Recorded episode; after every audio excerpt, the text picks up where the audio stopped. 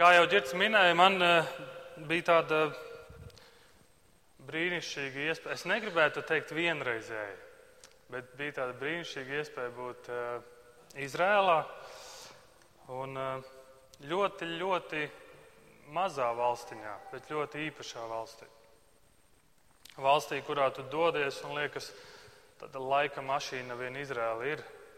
Visur, kur tu roc, kaut ko uzroc, kaut ko vienmēr atrodi. Un Izrēlā ir interesanti tas, ka, ja tev pieder māja, un tu izdomā uzbūvēt piebūvi, un tu roc kaut ko un uz, uzēj kaut kādu, kaut kādu vecu akmeni vai kaut kādu daļu no vecas pilsētas, jebko, māja, zeme pieder uzreiz valstī. Un tad īsti laimīgs tu nēsi, ka tu esi kaut ko uzredzis. Jo tad ir arheologi klāt, viņi izpēta un tā tālāk. Un, Viss tas pieder valstī. Un, un tu redzi, ka Izraela ir pilna ar visu kaut ko, pilna ar vēsturi, pilna ar zināšanām. Un Izrēlā, Izrēlā es sapratu, cik uh, maz es zinu Dievu vārdu. Jā, jāatzīst tas. Un, un Girts teica, nu tagad pateiks kaut ko jaunu, un tā es domāju, ko es jaunu pateikšu. Jūs, jūs visi jau tā, tā padziniet. Bet uh, pirms mēs sākam šodienas šodienas domas, es aicinu, ka mēs varam pielūgt Dievu. Debes Tēvs, paldies Tev par iespēju būt mājās, paldies par draugu, ko Tu dod, un es lūdzu, ka Tu šodien runā uz mums. Es pateicos par svēto garu, ko Tu mums dod, Jēzu, par to, ko Tu esi atstājis. Un pateicos, ka Viņš mums atgādina, Viņš mūs pārliecina. Un es lūdzu, ka Tu runā uz mūsu tumšajiem prātiem, un ka tu ienes tajos gaismu, ka mēs redzam, ka mēs saprotam, un ka mēs iemīlam tavu vārdu, un ka mēs to izpildam. Mums vajadzīga tava palīdzība, un eh, runā uz mums šodien. Jēzu tavā vārdā. Āmen. Bet e, ir tā, ka es jums arī kaut ko atvedu kaut ko mazliet parādīt. Girts teica, ka es īsti izpausties nedrīkstu, pusotra stunda man dota. Nē, nē, tā nav pusotra stunda. Tā kā uh, uh, es gribu parādīt sākumā kādu, kādu video. Tas bija Galilejas jūras krasts. Tā bija pēdējā diena pie Galilejas jūras, kur uh, Es agri no rīta pamodos, lai, lai pavadītu tādu laiku lūkšanā, jo Galilejas jūra un, un tā vieta bija, man, man šķiet bija visīpašākā vieta, un to viņš varbūt var parādīt. Kā izskatās Galilejas jūra agrā rītā? Tur skaņas nav, jā? Ja?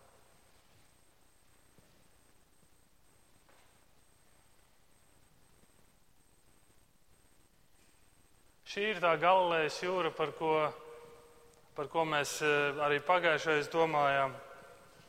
Man liekas, ezers tāds vien ir, un kā tad tādā ezerā var sacelties, var sacelties ūdens, var sacelties vētra. Bet eh, es biju aizgājis arī uz eh, Jeruzalemes templi, un šeit būs redzamas divas bildes. Un šī ir tā musulmaņu daļa, un mēs bijām Vispār eh, Izrēlā iemesls, kāpēc es tur biju, bija tāds samits, kur sabrauca kopā 180 cilvēki no 63 dažādām valstīm. Un tad mēs tādi, tādās grupās ar gidiem devāmies uz, eh, uz templi. Un viena daļa tempļa ir pieder musulmaņiem, ir musulmaņu daļa, un otra daļa ir jūdiem. Un tad musulmaņiem tā ir visvētākā vieta, jo izrādās šeit Ābrahāms ir upurējis Isašaru, bet jūdiem šeit Ābrahāms ir upurējis īzāku. Un, eh, un mēs šeit ienācām, šeit, mēs, šeit bija ļoti stingri jāievēro, ko tu ģērbi. Bija pleciem un biksēm jābūt garām pleciem aizklātiem. Eh, nedrīkstēja rociņās sadoties un staigāt. Vienalga, vai esi vīrs vai eh, pat vīrs un sieva, kopā rociņās nedrīkstēja doties. Vīrieši varēja apkamt vīrieti viens otru, bet sieviete un vīrietis nedrīkstēja. Tu nedrīkstēji tur lūgt, tu nedrīkstēji tur ienest bībeli, jo bībeli tev uzreiz atņemtu. Un mums bija tādas grāmatiņas līdzi, un, un mūs ļoti pārbaudīja un skatījās, vai tur nav kaut kas no Bībeles tekstiem. Un, un pat to, to gribēja atņemt. Un šajā vietā nedrīkst arī, kad tu staigā ar grupu un gids jūs tā kā vada, un tu ik pa laikam jūti, tev pienāk, pienāk klāt kāds vietējais un ļoti uzmanīgi klausās, ko tu saki. Un tāpēc Gits arī saka, ka šajā vietā Ābrahāms upurēja dēlu. Viņš nesaka vārdu. Un tad e, šajā vietā arī nedrīkst sapulcēties un tā kā klausīties uz vienu cilvēku. Sapulces nedrīkst būt. Un mums bija austiņas, e, un, un Gidam bija mikrofons, un tad vienam no mūsu, mūsu grupas uh, iedeva mikrofonu, kurš, un viņš dalījās vārdā. Bet mēs nedrīkstējām stāvēt uz vietas. Mums teica, vienkārši staigājiet, tā it kā jūs apskatiet un klausieties.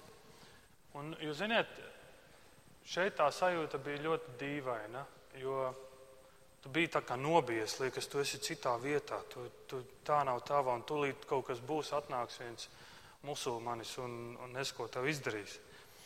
Bet šajā vietā es piedzīvoju to, cik Dieva vārds ļoti īpaši strādā un iedrošina. Jo tas, eh, kurš dalījās ar vārdu, viņš teica, šobrīd mums sajūt, ka mēs esam svešā zemē, bet šī vieta pieder Dievam. Šī vieta pieder Dievam. Un šis vārds man tik ļoti iedrošināja, un arī pārējos, kad, ka mums vairs nebija tādas bailes par to, kurš ko skatās un, ko nu izdarīs. Un šī bija vieta, kur es piedzīvoju to, cik Dieva vārdam ir ļoti liela nozīme. Cik Dieva vārds ļoti spēja, spēja iedrošināt. Jā, šī bija tā musulmaņu daļa.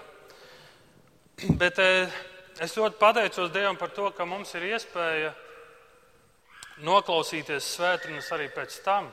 Un, eh, kad es lidoju atpakaļ no Izraēlas, es noklausījos uh, iepriekšējās svētdienas, tās reizes, kuras es biju izlaidis. Un es gribu pateikt paldies brāļiem par, par jūsu ļoti labo kalpošanu.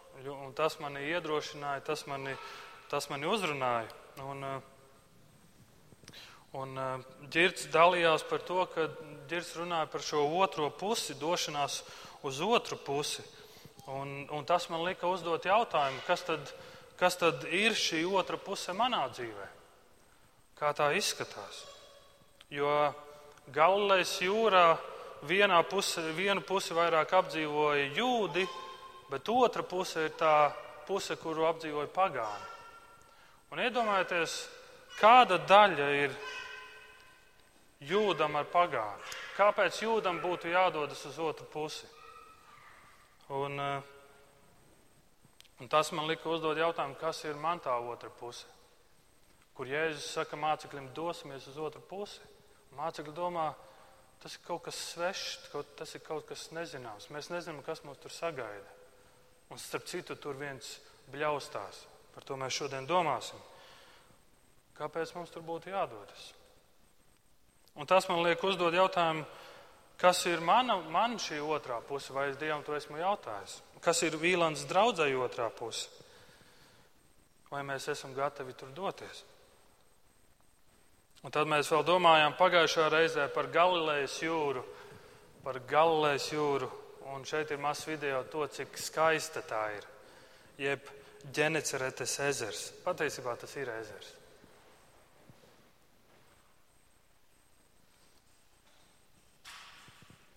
Šeit mēs ar kuģīti dodamies pāri uz otru pusi. Un šeit mēs atvadamies no otra kuģīša, jo mēs divi, divi kuģīši devāmies pāri Galilejas jūras vidū. Mēs apstājāmies, saķēdējāmies un kādu laiku pavadījām lasot Dievu vārdu un, un, un pielūdzot, dziedot dziesmas. Tā bija īpaša, īpaša vieta. Bet tad mēs dodamies uz šo otru pusi. Un, starp citu, šajā vietā, kad kristieši atbrauc pie Galilejas jūras, viena no lietām, uz ko viņi cer, ka sacelsies vētra. Sacelsies vētra, dosimies iekšā un piedzīvosim, kā tas ir, kad mācekļi bija lielā vētrā. Un, uh, 92. gadā Galilejas jūrā tika konstatēts, ka viļņi bija desmit pēdu augstumā. 92. gadā. Un Galilējas jūra ir tā vieta, kur, kas ir 200 metrus zem jūras līmeņa, un tur ik pa laikam ir, ir ievērojama šī, šī lielā vētra un, un lielie viļņi. Un šis notikums, par ko mēs pagājušajā domājām, bija došanās jūrā un lielie viļņi. Tas mums liek izvērtēt mūsu ticību. Kā mēs reaģējam, kad mūsu dzīvē ir vētra? Ko mēs darām?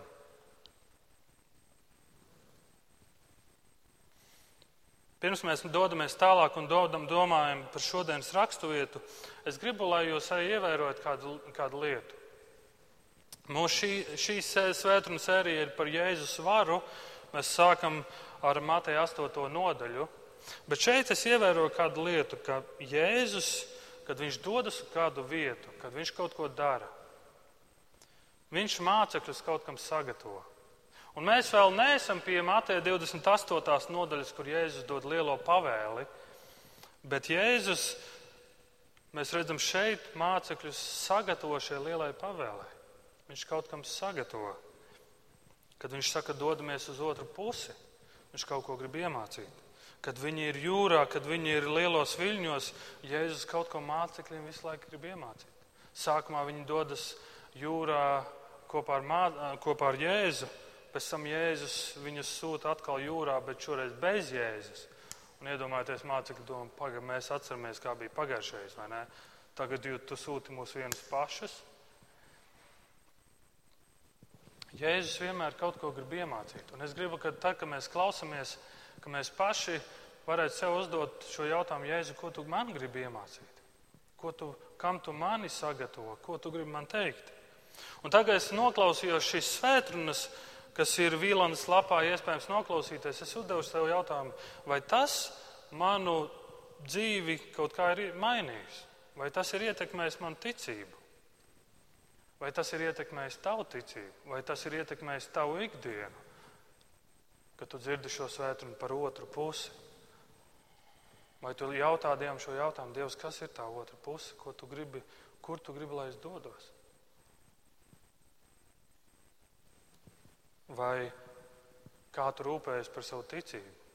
Vai tu rūpējies, lai viņa augtu? Un vai tas ir ietekmējis, vai vienkārši es atnāku, tā bija skaista svētdiena, skaista runa. Ļoti labi, paldies. Bet vai tas tiešām ietekmē manu dzīvi?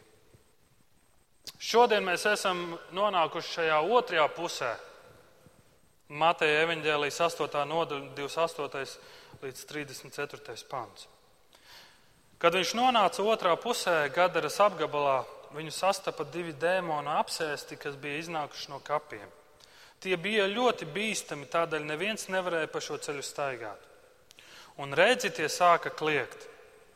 Kāda daļa mums ar tevi, Dieva dēls, vai tu esi nācis pirms laika mūs mocīt? Bet tālu no viņiem ganījās liels cūku bars, un dēmoni viņu lūdza: Ja tu mūs izdzen, tad liec mums iet cūkās. Jēzus tam sacīja: Ejiet! Un tie izgājuši iegāja cūkās un redzi, visas ganāmpulks metās no kraujas jūrā un noslīka ūdenī. Bet gani aizbēga un nonākuši pilsētā pastāstīja visu arī par dēmonu apsēstajiem. Un redzi, visa pilsēta iznāca Jēzum pretī. Un viņu ieraudzījuši tie lūdza, lai viņš iet prom no to apvidus. Parādi to viņa lūdzu video par to, kā izskatās šī otrā puse. Lūk, šādi mēs esam nonākuši otrajā pusē, un, ja jūs redzat pa labi, tur ir tāda ala. Tad šī ir tā otrā puse, kur Jēzus nonāk ar mācekļiem un sastop šos dēmonu apsēstos. Un tur pa labi bija tā ala, patiesībā pie kuras mēs nevarējām piekļūt, jo tur ir šodien ir tāds nožogojums ar tādu zīmīti Eh, lūdzu neiet, jo tur var būt kādi, kādas mīnas atstātas, ko ir atstājuši iepriekšēji ienaidnieki, kuriem piederēja tā, tā zeme. Un bija daudz tādas vietas, kur tu no tāluma vari redzēt, bet iet tu nedrīkst, jo tas ir bīstami. Un Jēzus nonāk šajā otrajā pusē. Un, eh, Un mēs redzam, Matejs par šiem diviem apsēstajiem neko daudz varbūt detaļās nepaskaidro. Bet Marks, Marka evaņģēlijā tas ir izklāstīts daudz vairāk. Viņš min, ka, viņš min, ka tur ir viens dēmona apsēstais. Bet viņš arī stāsta tādas detaļas, kā, ka šim apsēstajam ir īpašs spēks. Viņu saist ar ķēdēm, viņš tās pārauj. Neviens viņu nespēja kontrolēt, neviens viņu nespēja apturēt.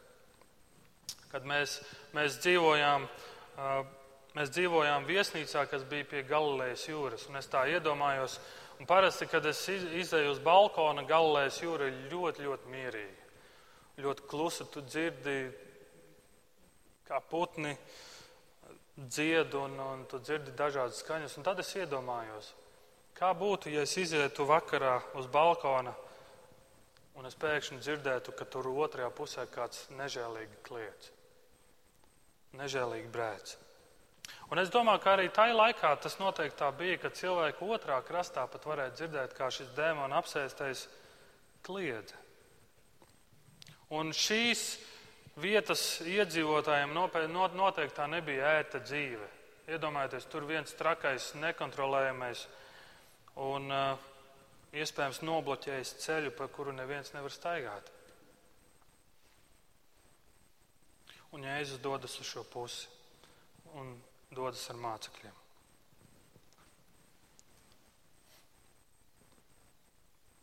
Kad Jēzus sastop šos dēmonus, mēs redzam, ka tā lieta, ko dēmoni dara, viņi pazīst Jēzu, viņi skrien viņam pretī un viņi nokrīt Jēzus priekšā. Jo viņi zina, kas ir Jēzus. Viņi zina, ka viņš ir Dievs. Viņi pakrīt viņam priekšā, un, un man šķiet, tā ir tāda pareiza reakcija, ko mēs bieži vien Bībelē redzam. Kad ja Dievs stājas tavā priekšā, tu vienkārši pakrīt kā miris. Viņi nokrīt viņa priekšā, viņi pazīst Jēzu un viņi lūdzās, lai ļauj viņam iet cūkās. Mēs dzīvojam pasaulē, kurā ir ļaunums. Un mēs redzam, ka šodien arī tas ir ļoti reāls un ļoti dzīves. Un Bībele mums parāda, ka ļauna ir mūsu miesa, mūsu iedzimtais grēks, un ka ir vēl kāds ļaunums, un tie ir kritušie eņģeļi, kas ir sātana pakļautībā. Un šodien mēs sastopamies ar šiem kritušajiem eņģeļiem, kuri ir iemiesojušies cilvēkā. Viena lieta, ko mēs varam mācīties no šīs rakstu vietas, ka dēmoniem ļoti patīk miesa. Viņi meklē vietu, kur viņi var iemā, iemiesoties, kur viņi var mājot. Dēmoniem patīk mājot miesā. Un šajā reizē, kad viņi jūt, viņi zina, ka Jēzus kaut ko darīs. Un tā viena lieta, no ko, ko, ko šie dēmoni saka, vai tu pirms laika nāc mūs mocīt, un viņi zina, ka būs laiks, ka būs laiks, no kur viņi bīstās, ka viņi būs pazudināšanā. Un viņi saka, un viņi lūdzās Jēzum, ļauj mums iet vismaz šajās cūkās. Un tur redzēja atkal, viņi meklē vietu, kur, kur mājot. Viņi meklē vietu, kur mājot. Un interesanti, Marks min to, cik daudz sūkas tur bija. Un man, kad es lasu šo rakstu vietu, tas man liek domāt par to, kas ir tas dēmonu apjoms, cik daudz dēmonu bija šajos divos cilvēkos. Tad, kad Jēzus satiek šos cilvēkus, viņš runā ar dēmoniem. Jēzus to neuzskata kā kaut kādu slimību. Bet viņš zina un saprot, ka tie ir tie dēmoni. Un Jēzus jautā, kā tevi sauc, un viņš saka, mani sauc Leģions. Un tur ir viņu daudz. Un man liekas, šīs divi tūkstoši cūkas parāda to apjomu, kas tur ir bijis. Un viņš iedzen, viņš ļauj viņiem iet cūkās, un visas cūkas gāžās no kraujas ūdenī. Tā vieta, ko, ko, ko, ko jūs redzējāt, es, kad biju tajā vietā, es uzreiz domāju, kā iespējams no tādas kraujas, ka tur pat ūdens nebija. Bet patiesībā tajā laikā ūdens līmenis bija krietni, krietni, krietni augstāks. Un tā vieta, no kurienes es filmēju, tā bija pilna ar ūdeni. Iespējams, ka tā arī bija tā īstā vieta. Jēzus atnāk pie šiem diviem, un Jēzus izdzen dēmonus. Dēmoni redz, kas ir Jēzus, viņi pazīst. Cūku gani no malas skatās un redz, ka šis ir īpašs cilvēks. Viņš izdara to, ko mēs nespējām ar ķēdēm izdarīt un paveikt. Tas, ko gani dara, viņi to ieraugot, viņi iespējams domāja, cik nežēlīgs zaudējums - 2000 cūkas. Tie dodas uz pilsētu, lai visu to pastāstītu, kas noticis, lai paziņotu par lielo zaudējumu. Jūs atcerieties, pirms kāda, Eiro, pirms kāda laika Eiropā bija cūku mēris. Jeb kā saucās tā slimība, es jau neatceros. Un atnāca arī līdz Latvijai un sāka vienu pēc otras saimniecībai slēgt ciet. Vajadzēja iznīcināt. Un, domāju, un tas bija tāds, un bija daudz TV reportāžu par to, kāds zaudējums tas ir. Jo šīs cūgas ir jānonāvē. Kad gan ir aizgājuši uz pilsētu un pastāstījuši to, kas ir noticis, visa pilsēta atnāk pie Jēzus. Un ko tad viņi dara? Viņi lūdz, lai Jēzus iet prom. Viņi ir dzirdējuši, ko Jēzus ir darījis. Viņi ir ieraudzījuši, ko Jēzus ir darījis. Un viņi redz, ka divi dēmoni apsēstie ir dziedināti. Kas tad no sanāk? Jēzus atbrauc uz šo pusi, lai risinātu šo iedzīvotāju problēmu, jo iespējams Jēzus arī bija dzirdējis šo bļaušanu. Bieži šie cilvēki atnāk, jeb citiem vārdiem šie iedzīvotāji saka, mēs gribējām, lai tu atrisini mūsu problēmu, bet mēs negribējām, lai tu aiztiec mūsu cūkas. Un vai nav tā, ka mēs šodien arī sakām, atrisini manu problēmu, bet neaiztiec manas cūkas? Ja es gribu, lai tu atrisini manu problēmu, bet neaiztiec manas cūkas. Es atceros kādu notikumu no viesītes laikiem, kad uh, es biju jauniešu vadītājs, un es atceros, ka pie mācītāja atnāca kāda sieviete. Um, uz viņas sejas bija lasāms, ka viņai ir, kāda liela problēma, viņai ir saruna ar mācītāju, un viņa saka, mans dēls ir, ir nodzēries.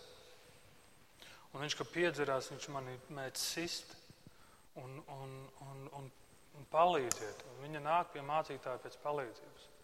Tas, ko mācītājs mācītājs to dala draudzē, draudze par to lūdz, par šo ģimeni, par šo dēlu. Un mācītājs tiekas ar šo dēlu. Un ziniet, kas notiek? Šis dēls sāk nākt uz baznīcu.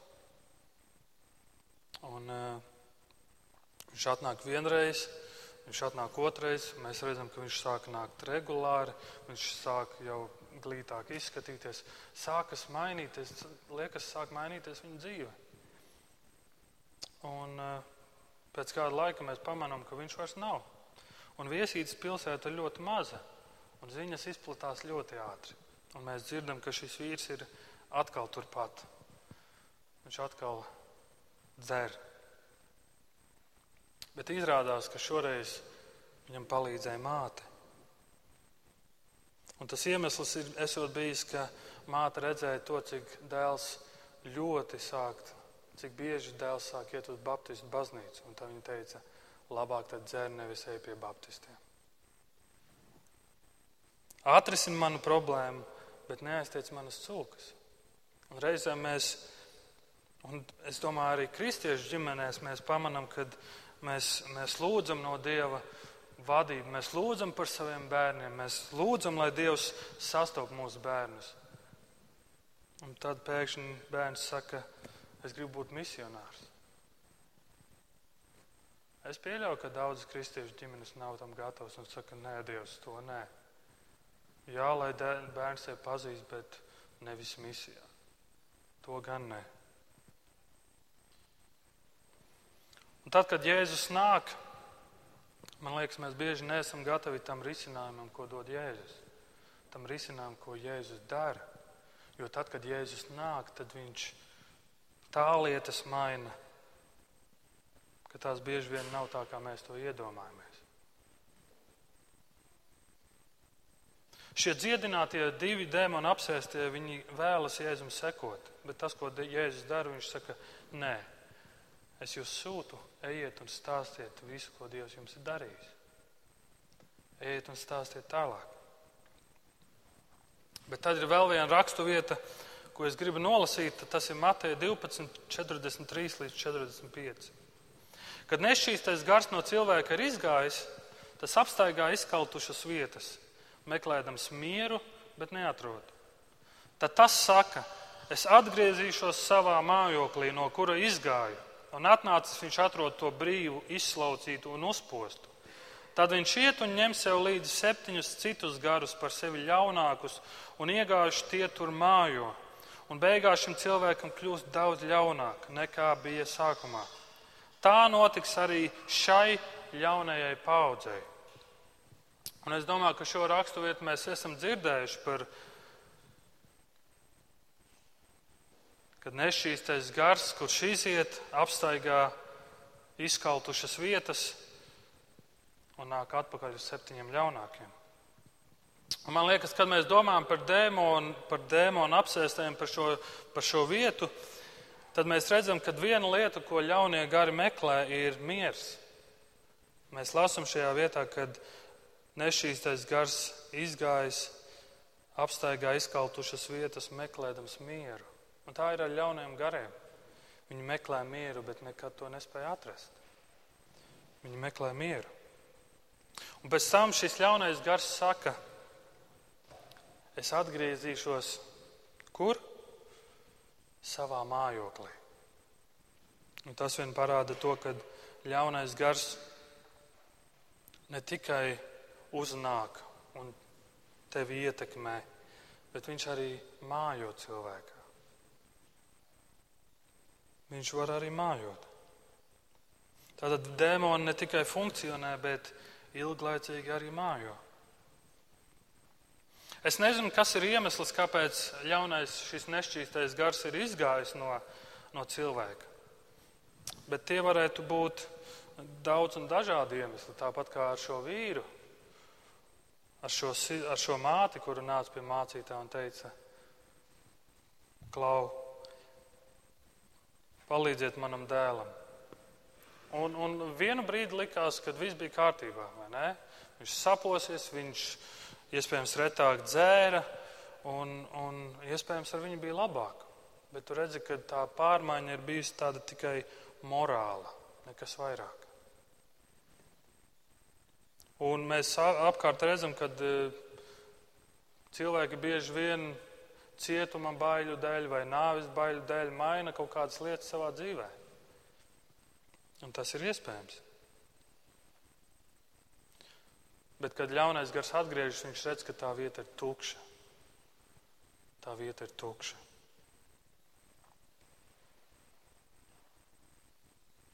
Un iespējams, ka pat Dievs ir darījis dziedināšanu draudzes lūgšanu dēļ.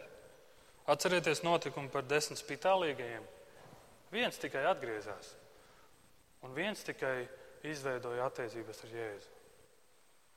Pārējie deviņi nē. Un iespējams, ka kādi no mums esam centušies uzpost māju un tīrīt, bet ja tajā nav Jēzus Kristus, tad tava miesa un tavs gars ir apdraudēts.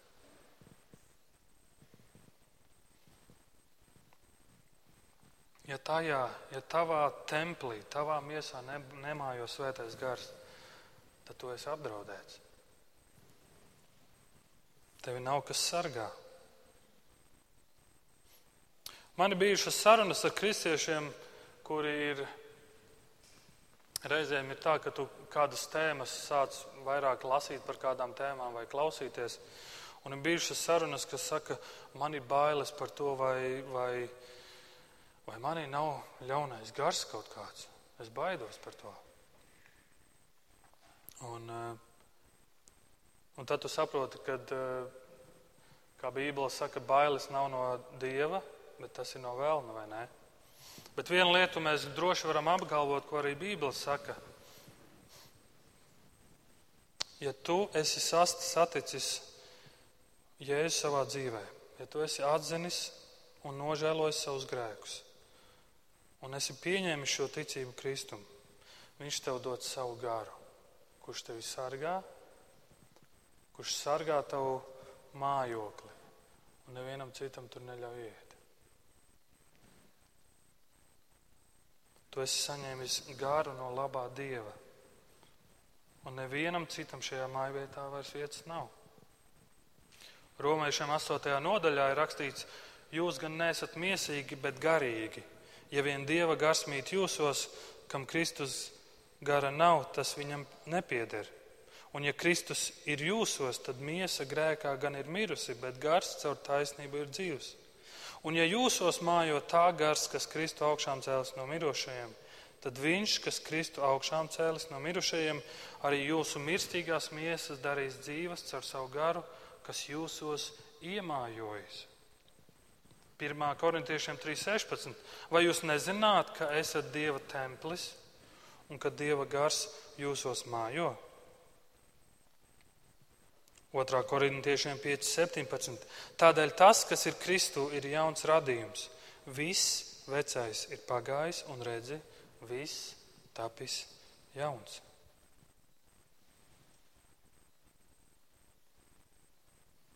Viss ir tapis jauns. Tātad, ko tad mēs esam iemācījušies no šīs astotās nodaļas Mateja evaņģēlijā? Tu esi ieraudzījis to, ka Jēzum ir liela vara. Jēzum ir vara pār slimībām, Jēzum ir vara pār dabu, Jēzum ir vara pār ļauniem gariem, pār garu pasauli. Un tad, kad tu to visu dzirdi, ko tas maina tavā dzīvē? Vai tu jūties tā, ka mans kungs ir ir spēcīgs, mans kungs ir varens. Kāds ir tavs Jēzus? Un es gribu, lai mēs saprotam vienu svarīgu lietu, ka, ka Jēzus vara šodien, kad mēs runājam, mēs nerunājam, un es negribu, ka mēs saprotam, ka tā ir tikai kaut kāda garīga dimensija, ka tas neatiecas uz, uz neko miesīgu. Tas ir gan garīgi, tas ir gan miesīgi. Un ja viņš toreiz varēja dziedināt, viņš arī šodien var dziedināt. Un viņš arī saka, ka viņš mūs augšām cels, un viņš augšām cels arī mūsu miesu. Šī mācība par Jēzu nav tikai garīga dimensija, tā ir ļoti praktiska un ļoti fiziska. Un ja Jēzus tev šodien saka, dodies uz otru pusi, tur, kur kāds kliedz un bļauj, tur, kur ir nezināmais, tad es, tas nav tikai garīgi. Varbūt viņš saka, kāp ārā no savas komforta zonas un dodies. Es nezinu, varbūt vīlendē tā ir maz kačka. Ej un dodies.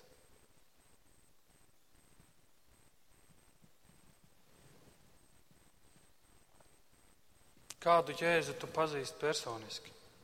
Un, un šis jautājums, cik labi tu viņu pazīsti? Un kad ir bijusi pēdējā reize, kad tev ir bijušas tādas, ka tu esi Dievu piedzīvojis tā īpaši? Kad Dievu tu esi sajūta, kā Dievs uz tevi runā. Kad ir bijusi tāda reize? Vai tu meklē tādu, tādu, tādu laiku ar Dievu, ka tu gribi Dievs, es gribu tevi sadzirdēt? Es gribu tevi saprast vairāk, es gribu saprast, ko tu gribi manai dzīvē. Tagad ir īstais laiks, lai viņu meklētu.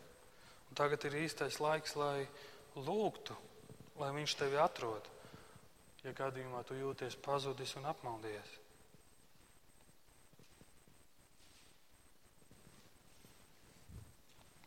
Un pašā noslēgumā Ļaujiet man nolasīt kādu lūkšanu.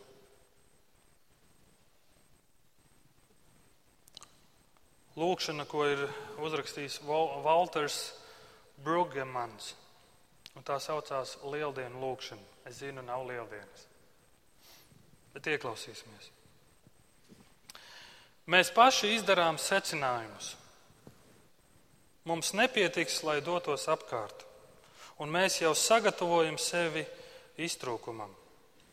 Iztrūkumam pēc naudas, pēc mīlestības, pēc pakāpes, pēc izdošanās, pēc seksa, pēc alus, pēc draudzes locekļiem, pēc gadiem, pēc dzīves. Un mēs steidzam izmantot dienas, izmantot lietas, izmantot kaimiņu lietas, jo mums ir pārāk maz, lai dotos apkārt. Bet tad starp mūsu nodefinēto deficītu nāc tu. Tu atnāc dodot maizi tuksnesī.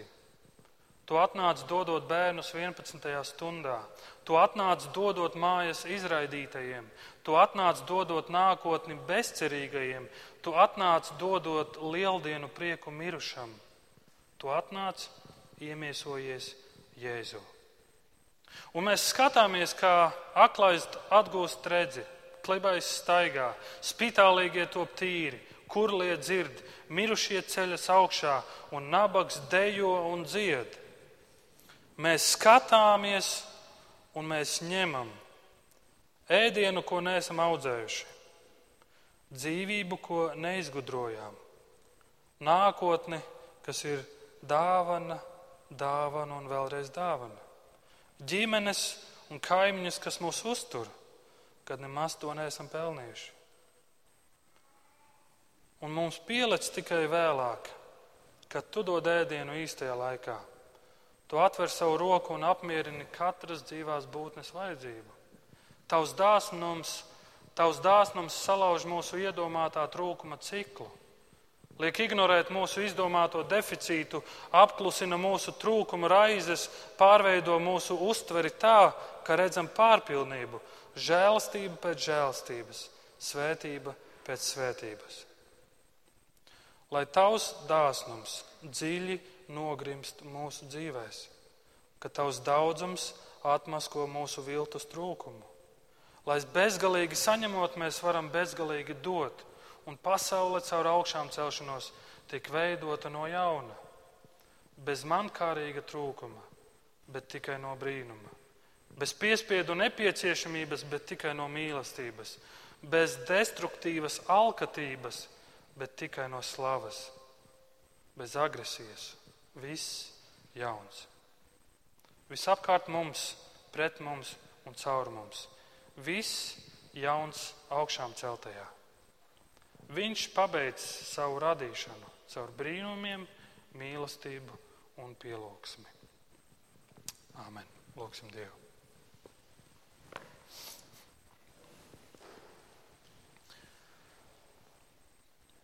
Jēzu Kristu, paldies Tev par Vīlāns draugu.